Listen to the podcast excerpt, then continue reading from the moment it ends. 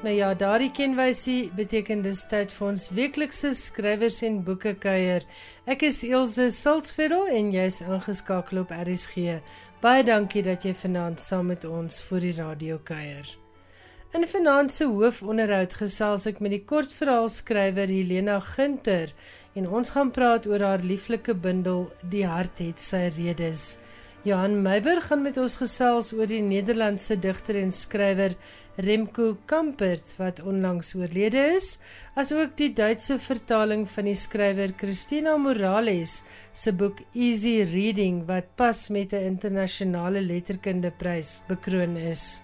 Johan gesels ook oor 'n heruitgawe van die skrywer Jamaica Kincaid se roman Annie John en jy gaan kan luister na 'n uittreksel waarin Kincaid self vertel hoe sy as 3-jarige reeds leer lees het. Dan kan jy ook luister na die mening van 'n klomp van jou gunsteling skrywers, onder andere Irma Joubert, Rudy van Rensburg, Chris Karsten, Helene de Kok en Sofia Kap om maar enkeles te noem. En ons gaan gesels oor 'n ding wat 'n groot invloed het op die Suid-Afrikaanse boekbedryf, maar meer daaroor in die tweede gedeelte van vanaand se program. Johan Meiberg is eerste aan die beurt en hy gaan gesels oor die letterkundeprys waarmee Christina Morales pas in Duitsland bekroon is. Dis vir die Duitse vertaling van haar boek wat in Engels bekend is as Easy Reading.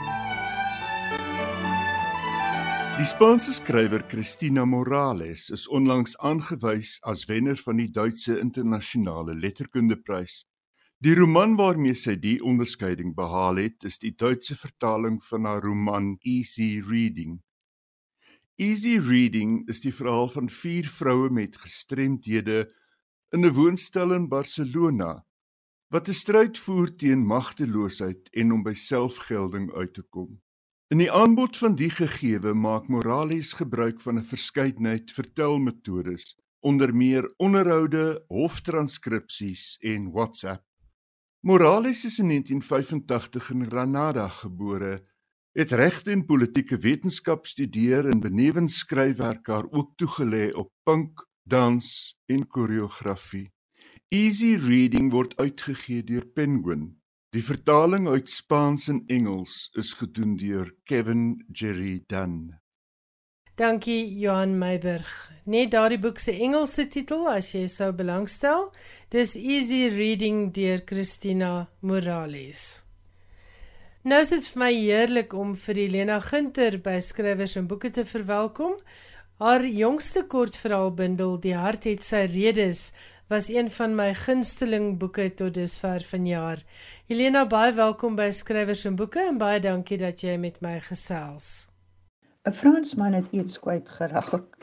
'n Kunstenaar wat oor sy eie werk wil praat, is soos 'n potplant wat oor tuinbou wil praat. Nou tot hoe mate ek kwalifiseer vir kunstenaarskap?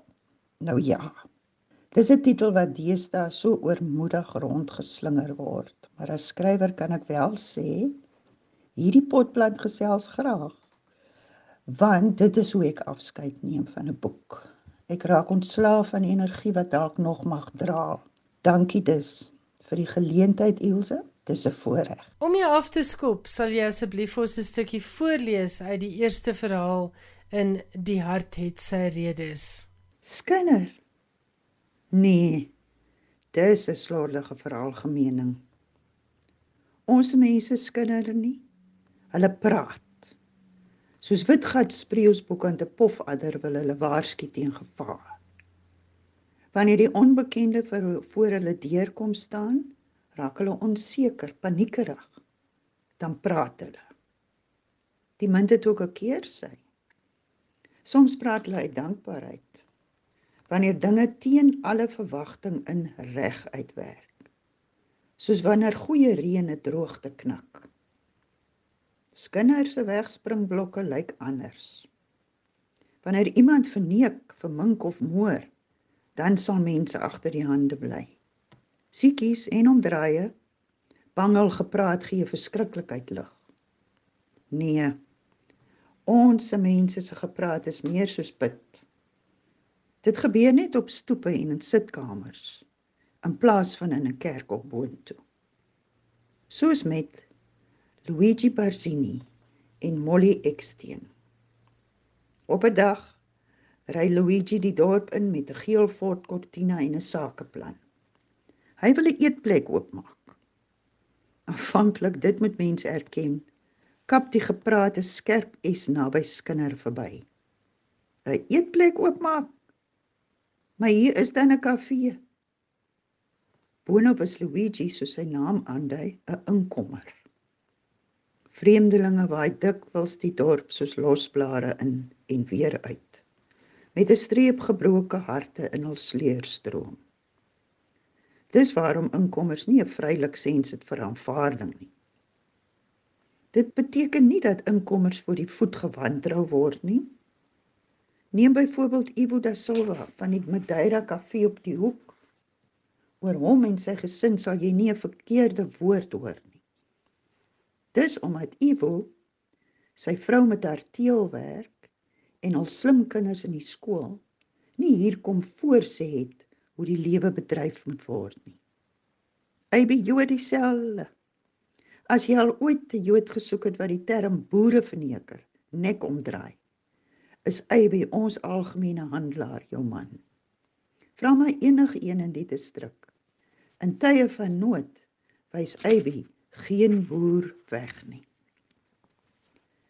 Stiltes is selde sonder geskiedenis of betekenis. Op ons dorp is daar geen stilte soos die stilte van die hoofstraat in die uur net na middagete nie. Dis 'n stilte waaraan jy jou moet steur. En die dag is dit 'n luggie deur die ry witteboomblare in die straat voor die kerk en 'n leë toffiepapier wat saam met 'n stoffie teen 'n stoepilaar vasdwarrel wat jou op aandag bring. Fluister dit opwinding? Gerusstelling? Of waarsku dit? In die stilte net toe Henties en Cecile met die ranchero voor die koöperasie stilhou Henties is die algemene bestuurder en Cecile die hoof van die damesafdeling. Ry Luigi die dorp binne. Nou ja, dit was Helena Ginter. Sy het voorgeles uit die eerste verhaal in haar bundel Die hart het sy redes en daardie eerste verhaal se titel is Want die liefde is 'n wonderlike ding. En hierdie boek was vir my 'n wonderlike ding, Helena. Vertel vir ons waar het jou pad met woorde begin? definitief met The Little Match Girl. 'n Afrikaanse vertaling daarvan deur uh ek weet nie wie die vertaling gedoen het nie, maar ons weet natuurlik almal dis die verhaal van Hans Christian Andersen. Dit was die eerste verhaal wat my gevang en aan die lees gesit het. En op skool natuurlik het onderwysers dikwels aan ons voorgeles. Ek het geleef vir daardie oomblik. Ek onthou nou nog dat Miriam Coetzee se stem en hoe die son op die plankvloer geval het terwyl sy vir ons voorgeles het uit Prologs en Bittergaal. In die hoërskool was dit die erkenning en die aanmoediging van taal- en musiekonderwysers. En ek wil graag hulle name noem. Fanny Labeskagni, Anne Marie Venter, Mariaan Vermeulen, Nico Burger, Leon Forsie en Nicoline Lamprechts. In standaard 9 het meneer Forsie teen die orde van die dag, onthou nou, dit was die laat 60s, my bekend gestel aan koue vuur van Breitenbach. In die dorpsbiblioteek en dat Hazel Cronje die boeke van Andre P Brink op my ma se naam uitgeteken sodat ek dit kon lees. Nou weet ek nie of dit 'n roekeloosheid gevestig het nie. In ag genome die onderwerp materiaal waarmee ek my steeds besig hou. Jy het op skool al 'n gedig in poort gehad, maar jy het eers baie baie jare later begin publiseer. Het jy tussenin geskryf en was daar maar altyd by jou 'n begeerte om 'n gepubliseerde skrywer te wees? Teen die tyd wat ek universiteit toe is, het die Universiteit Stellenbosch werklikheid my totaal geïntimideer. Die verhaal Groot Wild in die hart het sy redes is nie heeltemal fiktief wat betref die kwessie nie. Voorts kon ek nie kies, kan jy glo, tussen Bemis en LO nie. En was hopeloos te beskimmeld om drama eers te oorweeg, 'n ander groot liefde van my. Hoe ook al, na die publikasie in matriek het ek nie geskryf nie. Maar gelukkig in die onderwys beland en 'n baie baie bevredigende loopbaan beleef waarin ek meer by kinders geleer het as wat ek hulle geleer het. Maar terwyl die lewe gebeur het rondom die onderwys, huwelik, my eie kinders, het die behoefte om te skryf bly krap. Daarom, nadat ek na 24 jaar uit die onderwys getree het en die kinderliewe uit die huis is, het ek besluit, nou of nooit. Helena, jy het in 2005 'n meestersgraad in kreatiewe skryfkuns behaal aan die Universiteit van Stellenbosch onder professor Marlene van Niekerk en jou bundel kortverhale op 'n plaas in Afrika was die praktiese deel van jou graad. Ek weet daardie bundel is in 2008 met die Eugène Maree Prys bekroon en was ook op die kortlys vir die Universiteit van Johannesburg se prys vir debuutwerk en die Jan Rabie prys vir vernuwende prosa. Wat het hierdie graad vir jou beteken en sou jy ander voornemende skrywers aanraai om formeel in kreatiewe skryfkuns te gaan studeer? My antwoord is ja en nee. Sommige skrywers kan dit reg kry sonder 'n graad of kursusse. Ander soos ek vind oneindige baat daarby. Ek dink is juis omdat ek so lank met die begeerte gesit het. Maar vir soveel jare nooit die kryg beoefen het nie. Ek sou sê dissipline, mentorskap en dan natuurlik die kameraderie van ander kursusgangers. Dit was die belangrikste elemente vir my. Daarbenewens het die akademiese uitdaging my by sekere onderwerpmateriaal uitgebring. Dis Susan Sontag wat by geleentheid gesê het: "Wanneer jy skryf, sit jy iets in 'n raam en daarmee sê jy, dit wat in hierdie raam is, is belangrik neem kennis daarvan. Toe ek destyds die kursus gedoen het by Malien van die kerk, het ek in my navorsing uitgevind dat 'n groot groep van ons Afrikaanse lesers natuurlik wens die dogma waarbinne ons opgevoed is, nie bewus is werklik van ons centrality of whiteliness nie. Dis die term van professor Samantha Weiss wat sy in haar navorsing so mildelik gebruik het. Dis asof ons nie weet dit is in ons kollektiewe geheue nie of ons is nie geïnteresseerd daarin om uit te vind nie. Baie lesers wil of kan nie ons geskiedenis as oorsaak van die huidige politiek-maatskaplike probleme verreken nie. In die naam van vooruitgang word 'n bemoeienis met geskiedenis so dikwels afgemaak as so laas jaar. Wanneer ons gekonfronteer word dan met die onverteerbare geweld van iets soos 'n plaasmoord met onteiening, onbevoegde dienslewering, maatskaplike korrupsie, magsmisbruik. Ja, die lys voel eindeloos net. Dan reageer ons snaaks genoeg met groot verontwaardiging. Ons is woedend en ons voel verontreg. Ons voel ons die groot slagoffers wat geen vennootskap met die geskiedenis van bevoordeling gehad het nie. Asof geskiedenis met die koms van demokrasie sommer net weggeval het en die speelveld gelyk was. Asof die mense wat verwond is tydens daardie geskiedenis nou kerngesond en toegerus aan die ander kant moet uitstap en vorentoe gaan. In my eerste 3 bundels probeer ek 'n redegewende verband lê tussen ons komplekse verlede en die problematiese hede. Ek glo dis gesonder as ontkenning of polities korrekte veeverhale. My opdrag vir my akademiese opstel was om terug te skryf, soos in teepraat met die romantiek van die meeste van ons plaasverhale. Met koffer en kaart en tweespoor was jou tweede en derde kortverhaalbundels. Hoekom het jy toe nou juis kortverhale as genre gekies? En het jy gunsteling temas wat jy in jou kortverhale aanspreek? Ek dink dit is soos die verskil tussen 'n kort afstand en 'n lang afstand atleet.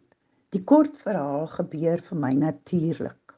Dikwels is dit wel 'n novelleagtige, langer verhaal, soos byvoorbeeld Angelus Novus Africanus in twee spoor. Eintlik wil ek net 'n storie vertel. Wat met mense gebeur en daardie gebeur moet vir my hart grypend wees. Nie so seer oor wat gebeur nie, maar hoe dit gebeur, sodat die leser in verwondering staan Ek dink die kort verhaal se gedrongenheid trek die fokus skerper op 'n enkele gebeurtenis. Nou hoewel gedrongenheid 'n vereiste is vir die kortverhaal, is ek nogal geneig om te dra by die manier hoe dinge gebeur. Met ander woorde om met onderbrekings my storie in die rede te val met wat ek beskou as sinvolle titel en die leser op tersaaklike afdraaipaaie te neem wat die spanning natuurlik moet verhoog. Dis vir my jammer dat die kortverhaal en 'n roman in Afrikaans oor een kam geskeer word omdat albei prosa is. Wat temas betref, ongetwyfeld die menslike kondisie. In my eerste 3 bundels was dit die polities-maatskaplike situasie in Suid-Afrika, 'n goudmyn, maar terselfdertyd 'n mynveld vir die wit Afrikaanse skrywer. Seksualiteit, gender, geloof, politieke werklikhede. Dis nie onderwerpe wat gemaklik sit aan ons lesers nie. En om dit dan nog vanuit 'n hoek te belig waar die verhaal toon en die stem nie jy saamgesels met die heersende polities korrekte mode van die tyd nie, kan jou in 'n mynveld laat beland. Maar in die hart het sy rede, is het ek dit oor die wonderbaarlikheid van die liefde.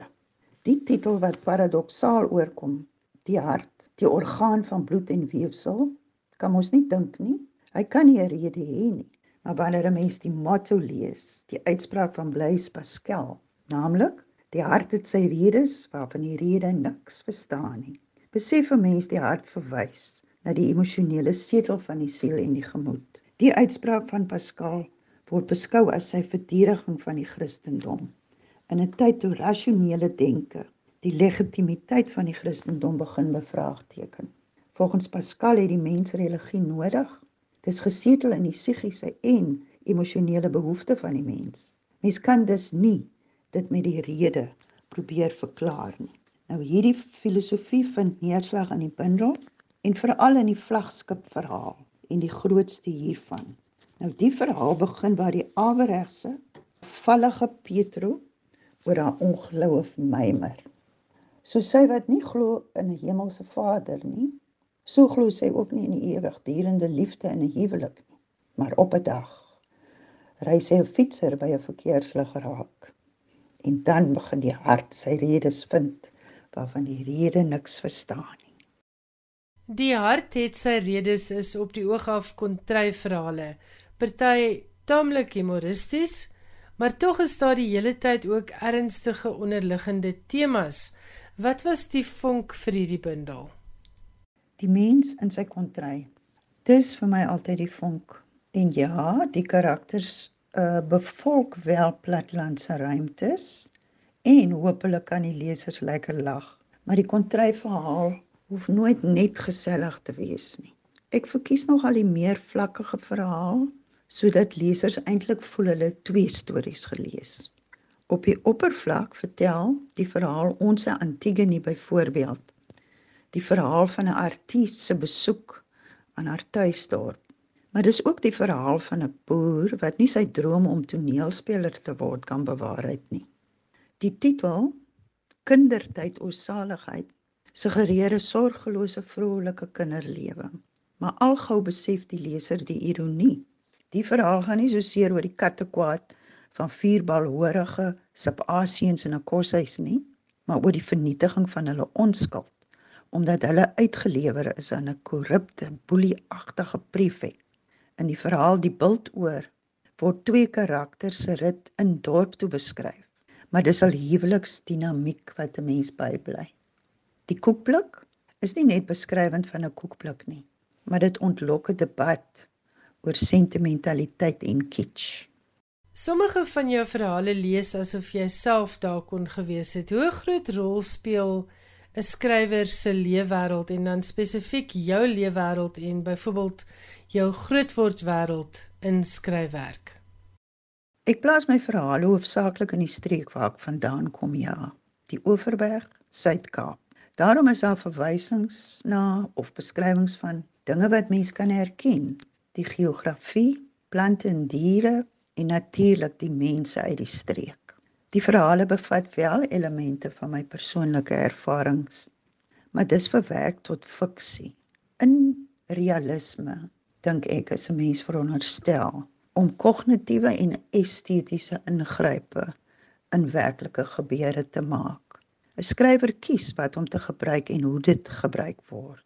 Keuse en ordening, wat dit vir die leser terselfdertyd geloofwaardig en boeiend moet maak. Die verhale verteenwoordig 'n werklikheid, dis reg, maar dis nie 'n replika of nabootsings van my eie werklikheid nie.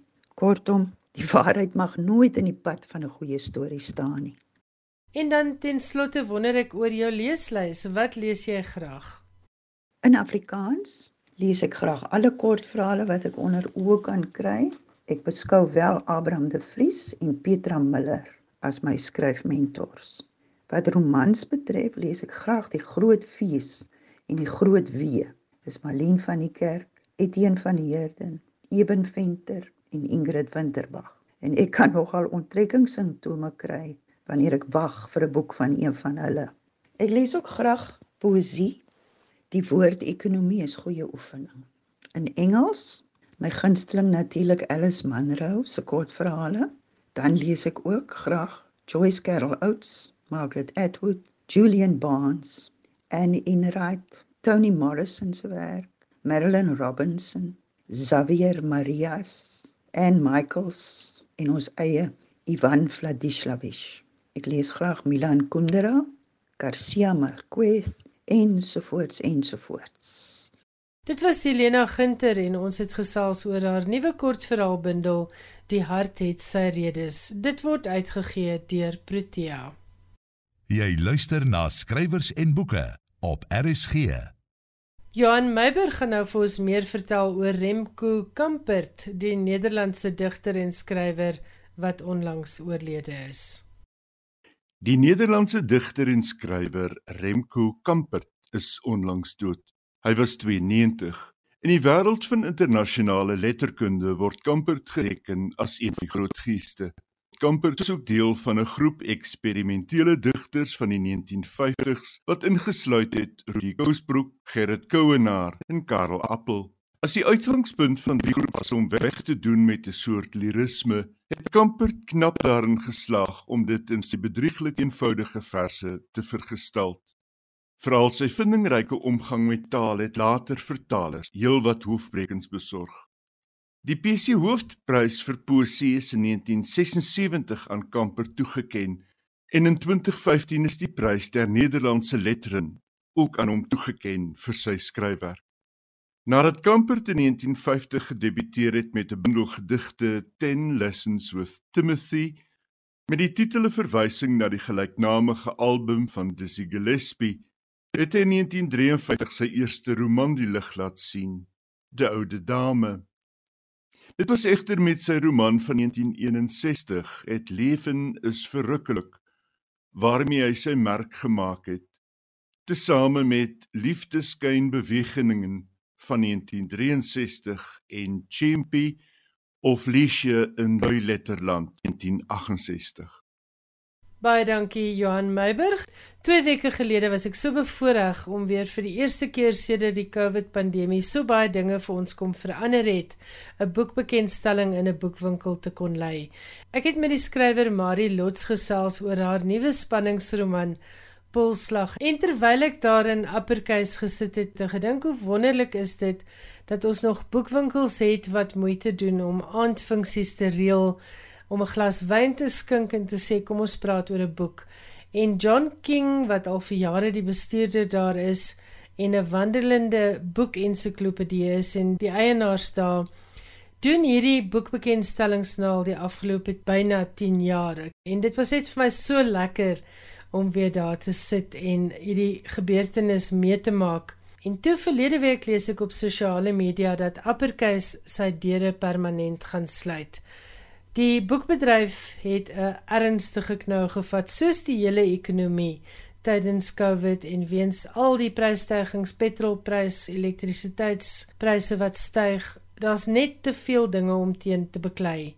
Maar daar is een verskynsel wat ons as boekliefhebbers nie langer durf ignoreer nie en dit is die deel en steel van elektroniese boeke op sosiale media groepe op WhatsApp op Telegram en dit gebeur openbloot en sonder skaamte en met allerlei gerasionaliseerde verskonings vir hierdie onding. Ek wil vanaand gesels met skrywers om te hoor hoe raak 'n boekdiefstal hulle. Ons weet nou dat Uppercase sluit, maar ek weet ook dis nie die enigste boekwinkel wat swaar kry nie. Ons het ook reeds kettingwinkels gesien wat hulle boekaanbod baie ernstig verminder want boeke verkoop nie en die Afrikaanse boekebedryf is onder geweldige druk as gevolg van boekdiefstal. Kom ons hoor wat sê skrywers hieroor. Eerste aan die beurt Irma Juber en soos dit 'n skrywer van historiese fiksie betaam, neem sy ons terug na gebeure van ongeveer 'n jaar gelede. Ilse, jy vra hoe ek voel oor mense wat boeke gratis of teen 'n absolute wins koop onwettig van die internet kry. Ek kan vir jou presies sê hoe ek voel. Maar uh, ek sal dit probeer om dit te doen in radio aanvaarbare taal. Ons het voor ons televisies gesit en kyk na die onbeskaamde plundering in KwaZulu-Natal en in Gauteng. Hulle TV's gesteel, onthou hulle daai ou wat so gesukkel het om die TV in sy motor in te kry of yskaste of kaste drank. Maar daar was ook vroue wat sakkies mieliemeel en sakkies suiker gesteel het. En toe iemand vir hulle vra, "Hoekom doen hulle dit?" toe sê die een, "Maar almal doen dit." Die tweede een sê, "Ons gehoor dis oop, almal kom vat net." 'n Derde een sê, en dit het my nogal aangegryp, As ek nie nou hierdie goed vat nie, gaan ek niks kry nie en my kinders is honger. En ons het besef, maar hulle is besig om die winkels in hulle eie gebiede se kele af te sny. En toe begin ek wonder, waar lê die verskil tussen 'n mens wat 'n sak mieliemeel of 'n pakkie suiker vat en 'n mens wat 'n boek vat? Omdat die generasie is, ek kan nie die boek bekostig nie. En die mense, die uitgewers en skrywers kan bly wees ek lees nog Afrikaans daardie uitgewers en daardie skrywers se kos word van hulle tafel afgevat. Dit is eenvoudig soos dit. 'n Boek is nie net iets wat ontstaan, 'n storie wat in jou kop ontplof en jy gaan sit en skryf dit nie. Dis ure se navorsing. Ure se dink en beplan om al die storielyne bymekaar te kry. Dit is koste wat jy aangaan om byvoorbeeld ek moes vir my laaste boek Skotland toe gaan en Duitsland toe gaan om te gaan navorsing doen. Daarby stel jy jouself baie bloot vir kritiek. Hierdie boeksteelers is niks anders as die plunderaars in KwaZulu-Natal en in Gauteng nie. Want hulle is besig om een vir een die skrywers en die Afrikaanse uitgewers se kele af te sny. Dankie Irma Juber. Kom ons hoor wat sê Fanny Viljoen. Dis moeilik om te sê hoe die boeksteelery Afrikaanse skrywers se inkomste sal raak, maar dat dit hulle inkomste sal raak is 'n feit. Die boeke wat gesteel word is vir ewig nou op die internet. Dis iewers daar in die kuberruim. Met ander woorde, die boeke word nie net vandag geplunder nie, dit word ook môre geplunder. Dit word volgende week geplunder, volgende maand, volgende jaar ons skrywer sal al dood en in die graf wees, dan word ons boeke nog gesteel want dit gaan iewers daar buite wees. So die mense wat steel, steel nie net vandag nie, hulle steel tot in die toekoms eintlik by Afrikaans en by Afrikaanse skrywers.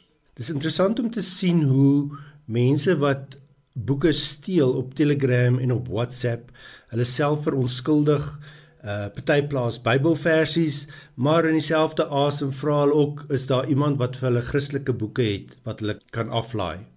Om aan talle van hierdie Telegram en WhatsApp groepies te behoort, moet moet die gebruikers 'n spesiale uitnodiging, 'n skakel uh ontvang.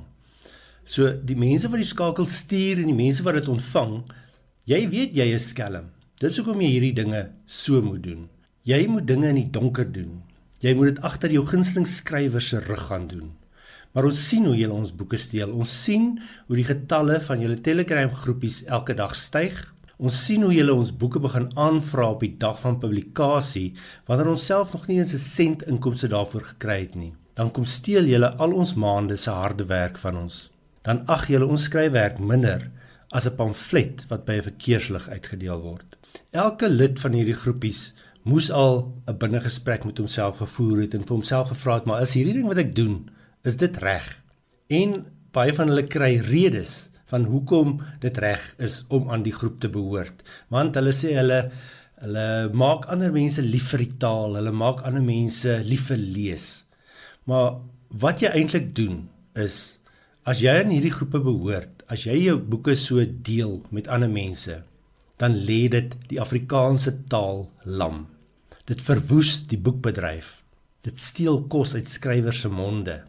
Dit demotiveer skrywers. Dit ontneem komende geslagte van nuwe stories want baie skrywers hou nou op skryf. Jy steel van jou taal. Jy verwoes en plunder soos 'n dief in die nag. Dankie Fanny Viljoen. Elsa Winkler, dis jou beurt om met luisteraars te praat oor boekdiefstal. Ek is bevrees dat een van die groot redes hoekom boekwinkels toemaak, boonbehalwe dinge soos COVID, is dood eenvoudig omdat lesers nie meer boeke koop, hulle beursies oopmaak en betaal vir 'n boek nie. As jy op so 'n groepie is, is jy besig om iets verkeerds te doen. Jy hoef nie eers daaroor te wonder nie dit dit is verkeerd. Ek weet dit word gerasionaliseer en mense sê dis soos 'n biblioteek. Nee, dit dit is nie. En baie eh, lesers wat ek ook al gehoor het wat sê maar hulle lewe op 'n pensioen, so hulle kan nie boeke bekostig nie. Daar is 'n biblioteek waarna toe jy kan gaan. Daar selfs 'n aanlyn biblioteek waarby jy kan aansluit en wettig boeke leen wat jy kan lees. So daar is maniere hoe jy dit kan doen dit is ook so dat ons nie alles kan kry wat ons wil hê nie. Dit dit was al die eeue nog so, dit sal altyd so wees. Ek is ook bevrees dit het te doen met die tydgees waarin ons leef, die land waarin ons leef waar daar 'n 'n patroon is dat mense maklik goed vat wat hulle nie hulle sin is nie. Dat dit net nie meer snaaks is nie. En jy kan rasionaliseer soos jy wil om iets te vat waarvoor jy nie betaal het nie, wat nie joune is nie, is verkeerd. Dis steel. En wat jy besig is om te doen is teen die wet. Dis krimineel, boonbehalwe al die ander goed. Uh en en ook dit kom uiteindelik ook vir my neer op op integriteit uh luister na jou stemmetjie, luister na jou hart, gaan jy weet wat jy doen is verkeerd. Ons wil graag boeke produseer, ons wil graag seker maak daar's gedurig nuwe boeke beskikbaar vir lesers, maar dit raak al hoe moeiliker om dit te doen as niemand jou stories of jou boeke koop nie, want skrywers is afhanklik van inkomste. Ons wil ook eet. Skrywers kry as hulle gelukkig is 12% van die verkope van 'n boek. So jy kan nou self gaan uitwerk hoeveel moet verkoop voor jy jy weet byvoorbeeld 'n motor kan betaal voor jy jou huis kan afbetaal voor jy jou krag kan betaal. So wat jy doen is om letterlik geld te vat, te steel by skrywers. So volgende keer as iemand jou nooi na so 'n groepie, onthou van integriteit en sê nee, dankie. Ek gaan spaar en ek gaan vir my 'n boek koop. Daar's tweedehandse boekwinkels waar waarby jy boeke baie billik kan kry. Daar's baie ander maniere waarop jy dit kan doen sonder om te steel. Dit was Elsa Winkler. Hier is Chanet Paul. Skryf is nie my stokperdjie nie. Dis my werk. Dis hoe ek my brood verdien, my rekeninge betaal aan die lewe bly. Ek skryf ongeveer 'n jaar aan 'n boek voor dit gepubliseer word. Dit behels lang ure en baie deursettingsvermoë. Ek werk dikwels 13 uur per dag, 6 tot 7 dae per week. Na hierdie boek gepubliseer is, wag ek 6 maande om 'n persentasie van die boeke wat in daardie tydperk verkoop het as tantieme te kry. Dis my inkomste. Elke persoon wat een van my boeke aanstuur, steel dus letterlik die brood uit my mond. En nie net myne nie, boekhandelaars en uitgewers word ook op die manier besteel. Ek wil die PDF diewe daaraan herinner dat daar nie net 9 gebooie is nie. Daar is 10 en een daarvan is jy mag nie steel nie. As jy boeke in PDF formaat lees of aanstuur, is jy 'n groter dief as die een wat by jou huis inbreek en jou rottenkaal steel. Groter want besittings kan verseker word, kan vervang word. Jy daarteen steel direk uit my bankrekening. Skamel soos dit is. So gesels Janet Paul en ek gesels nou met Reinet Lombard, medeskrywer van die Tippie reeks, wie se boeke weer in 'n ander formaat gesteel word, naamlik fotostate en PowerPoint aanbiedings. Die Tippie reeks is baie bekostigbaar en steeds word ons boeke wyd en suid gedeel. So ek dink die probleem lê by die feit dat daar geen respek, begrip of erkenning is vir kopiereg of intellektuele eiendom nie. Skole fotostateer leesboeke en handboeke en gebruik daardie afskrifte en stuur dit huis toe. Ouers en kinders ervaar dan dat dit reg en aanvaarbaar is. Die skool sal mos nie steel nie. Die bose kringloop van deel en steel, dink ek begin reeds hier. Totdat daar nie begrip, erkenning en respek is vir iemand anders se intellektuele eiendom nie, gaan die delers definitief nie erken dat dit steel is nie. Daardie deel bly steel. Ons enigste hoop is opvoeding en net om klagtes te lê teen individue vir die verlies aan inkomste. Baie dankie Renet Lombard. Chris Karsten, jy's volgende aan die beurt. Ja, Celoy Luipold, hy het saam met sy pa se groot boekery groot geword en het 'n intense liefde vir boeke ontwikkel. Hy was belese en het selfs 'n gedig geskryf en dit aan die boek opgedra met die titel aan 'n ou boek. Die gedig is nie lank nie. Vergun my om dit in die konteks van ons gesprek gou te lees. Op die solder waar die rotte hulle neste altyd bou, waar die vlermuise en motte elke aand kommissie hou, het ek jou gevind, ou maat, en jou maters lê daar nou. Voor ons voorgeslag gebore was, het mense jou gelees. Monnik, ridder, lank tevore was met jou almaats gewees en hulle het al siek gelag oor al jou vuur en al jou gees. Baie jare al gelede lê jy op die solder daar, rustig in jou rus, tevrede met jou lot van jaar tot jaar. O maat, waarom het die rotte vir ons al jou gees gespaar? Dis Leipold se liefde vir die boek. Nou is hier 'n nuwe spesie rotte aan die woel en hulle hulle het geen respek vir enige boek se gees nie. Al sê hulle ook al wat. Hulle is rotte nie op die solder nie, maar op die sosiale media en daar plunder hulle nou na hartelus die Afrikaanse kreatiewe gees plek om dit ook vir ons en ons nageslag te bewaar. Hulle is die skynheilige onsigbare boekdiewe wat hulle kwaad bedryf agter die skanse van die kuberruimte. En ek dink dit raak nou regtig tyd dat alle liefhebbers van Afrikaanse boeke hande vat met die skrywers, uitgewers en handelaars om 'n waghond op die been te bring wat hierdie rotte doelgerig kan gaan uitreik. En dan hoop ek word hulle aan die kaak gestel op daardie selfde sosiale media waar hulle in hulle groepies sit en kommissie hou om ons van ons beskeie inkomste uit boeke te plunder. Ons die skrywers, ons die uitgewers, ons die handelaars. Dit was Chris Karsten. Kom ons hoor wat sê DB Breitenberg. Ons ly almal onder beerdkrag. Een van die redes hoekom ons onder beerdkrag ly is omdat Eskom se elektrisiteit fisies gesteel word deur mense wat onwettige verbindings by hulle huise aanbring omdat hulle voel hulle is geregtig op gratis elektrisiteit en omdat baie van hulle meen hulle kan nie bekostig om te betaal vir die elektrisiteit nie. Die gevolg is Eskom is op sy knieë. Mense wat onwettig boeke steel en deel is die boek ekwivalent van mense wat onwettige verbindings by 'n Eskom installasie aanbring. Hulle steel letterlik kos uit skrywers se monde en as gevolg daarvan is die uitgewersbedryf, die boekbedryf in Suid-Afrika besig om op sy knieë gedwing te word.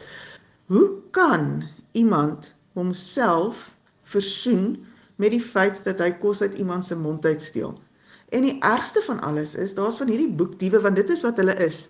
As jy steel, is jy 'n dief per definisie. Wat eh, voel hulle is geregtig daarop om hierdie gratis boeke te ontvang. Hulle gaan nou al so ver dat hulle hulle eie PDF skep van bestaande boeke en dit dit, dit so deel. Ek kan myself nie sterker uitdruk nie. Dit is diewery. Dit is daglig diewery. Ek hoop dat mense na hulle self gaan kyk en begin introspeksie hou oor dit waarmee hulle besig is. Dit is dit is onaanvaarbaar. Dit is diskrimineel. Dankie DB Breitenberg. Sofia Kap is volgende aan die beurt. Ek dink die sluiting van die boekhandelaar is 'n simptoom van 'n groter probleem. Ek dink die Afrikaanse boekbedryf is onder druk. Ek dink die ekonomiese klimaat in die land op die oomblik uh plaas enige aankoop van enige luukse artikel uh onder druk en met alles is 'n boek aankoop toenemend luukse. Dit moenie so wees nie. Ons weet dit almal, maar ek dink realisties gesproke is dit. om in so 'n klimaat dan ook nog diefstal te moet absorbeer in 'n bedryf en met diewe wat die diefstal vir hulle self en vir mekaar geregverdig het, jy weet dit is maar die regte ding om te doen en dit is so met die deel saam. Al is hierdie handelsproduk nie ons nie ons is sulke goeie mense jy weet ons deel so graag. Skrywers is geheel en al uitgelewer. Daar is nou vir ons nêrens heen meer om te gaan nie. Die groot katastrofe hier is nie net 'n enkele boekhandelaar wat toegemaak het nie dit is 'n hele bedryf wat steier. As gevolg van 'n klomp redes maar die diefstal het het definitief nie gehelp nie.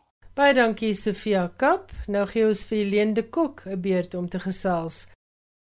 Auteursreg bestaan in PDF weergawe van boeke. Om 'n boek in PDF formaat aan te stuur op WhatsApp of per e-pos sonder toestemming van die uitgewer en skrywer kom neer op die skending van auteursreg. As PDF weergawe onregmatig gekopieer en gedeel word, is dit so goed soos diefstal. As jy nie gemaklik voel om 'n papierboek uit 'n winkel te steel nie, kan jy ook nie gemaklik daarmee wees om 'n PDF-boek te geniet terwyl jy nie daarvoor betaal het nie. Dit kom neer op rowery. Skrywers en uitgewers werk baie hard om uiteindelik 'n boek op die rak of as e-boek op Amazon te kry. Jy neem dus die brood uit hul mond. Dankie Elene de Kok.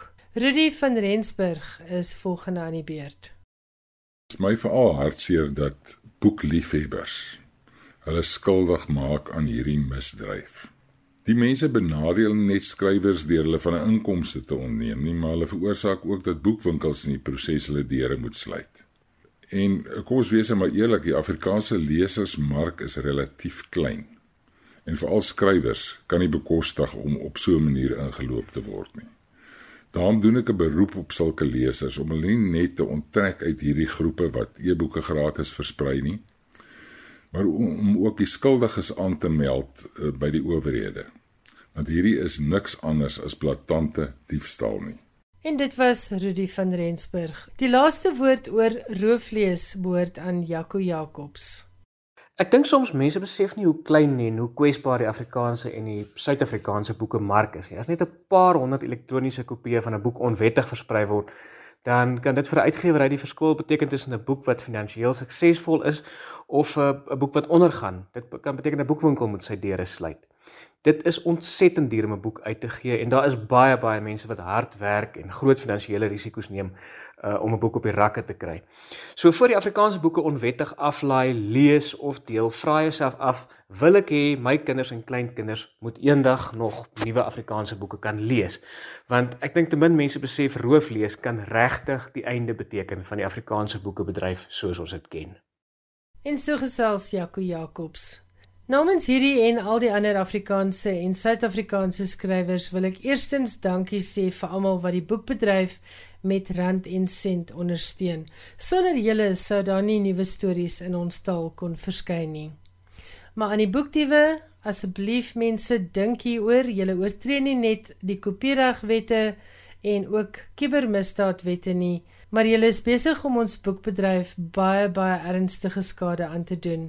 Ons lewe in 'n land waar ons elke dag die gevolge sien van korrupsie, die gevolge sien van belastinggeld wat wan aangewend word en wat gesteel word. Ons gaan dieselfde ding met ons boekbedryf sien as ons nie nou ophou om boeke gratis af te laai en onder mekaar rond te stuur nie.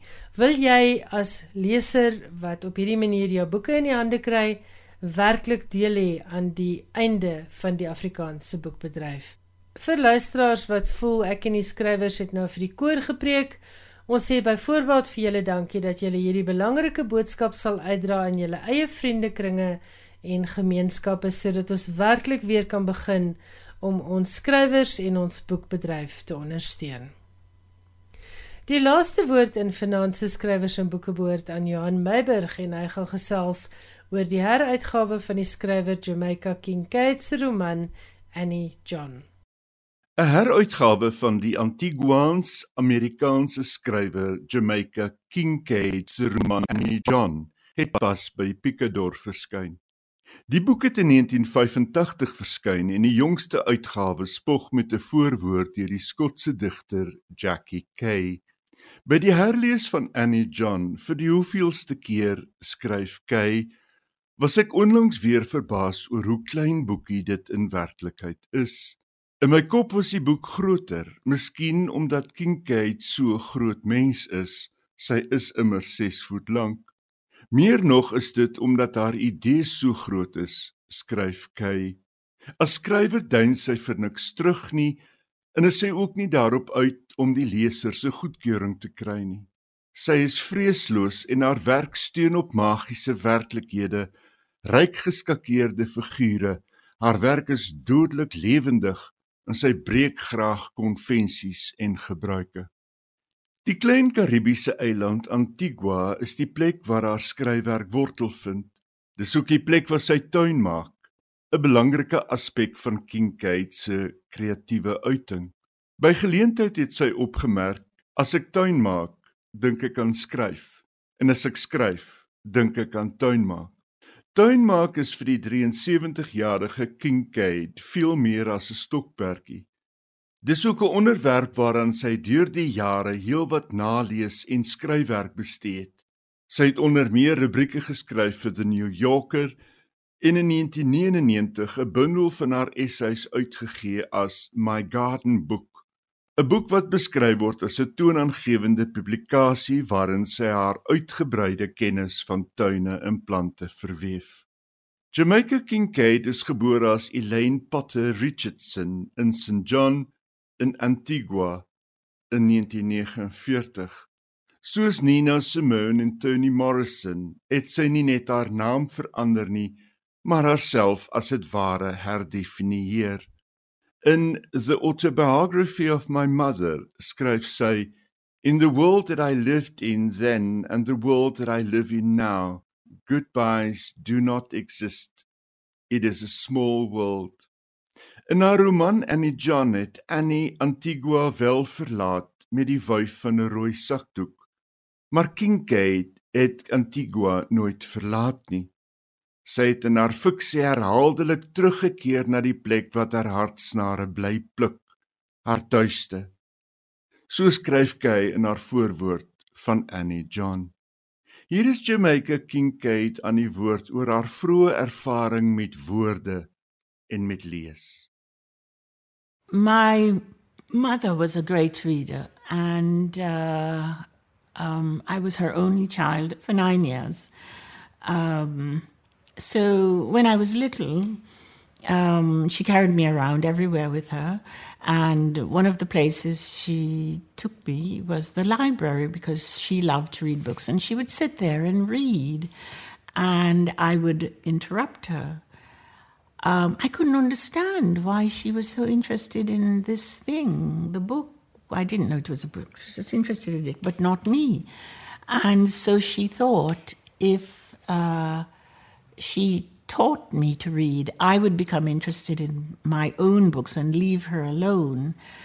And she did uh, teach me to read, but she didn't tell me there was an alphabet, so I didn't know.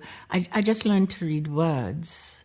Um, the book I most remember uh, reading from was she, uh, she, was reading a biography of um, Louis Pasteur.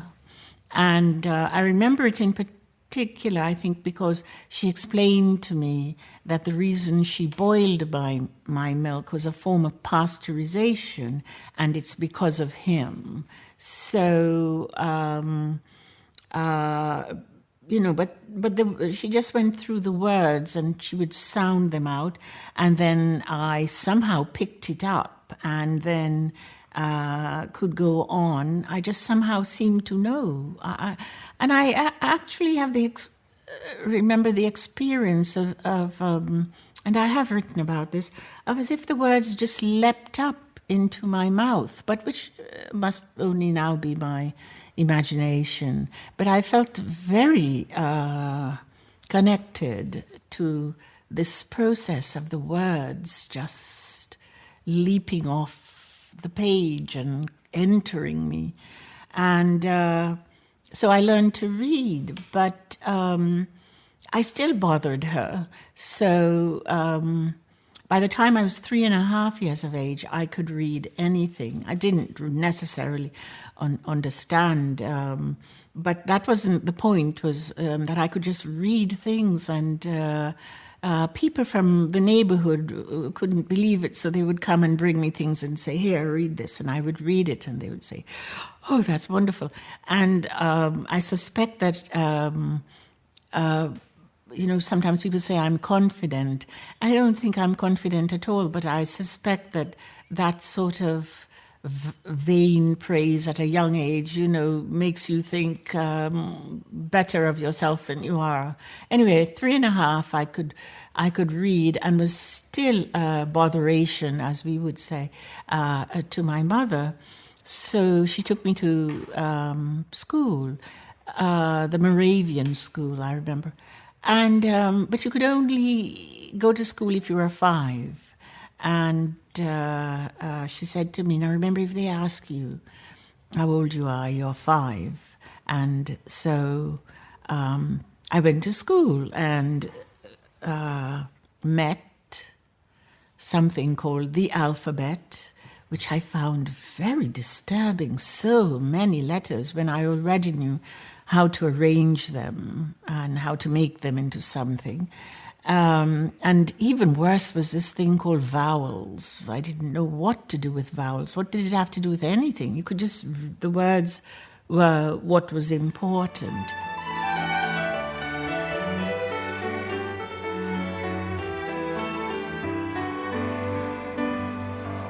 Dit was die stem van Jamaica Kincaid en is dit nie wonderlik hoe sy vertel het hoe woorde net skielik in haar kop en in haar mond ingespring het nie. Dit is die krag van boeke. So weer eens asseblief help ons om die Afrikaanse boekbedryf te bewaar en help ons om die Afrikaanse boekbedryf weer te versterk deur boeke te koop en nie gratis rond te stuur nie. Baie dankie dat jy vanaand saam geluister het. Volgende Woensdag aand om 8uur is ek en Johan Meiburg weer terug. Tot dan, lekker lees, lekker slaap en bly warm. Totsiens.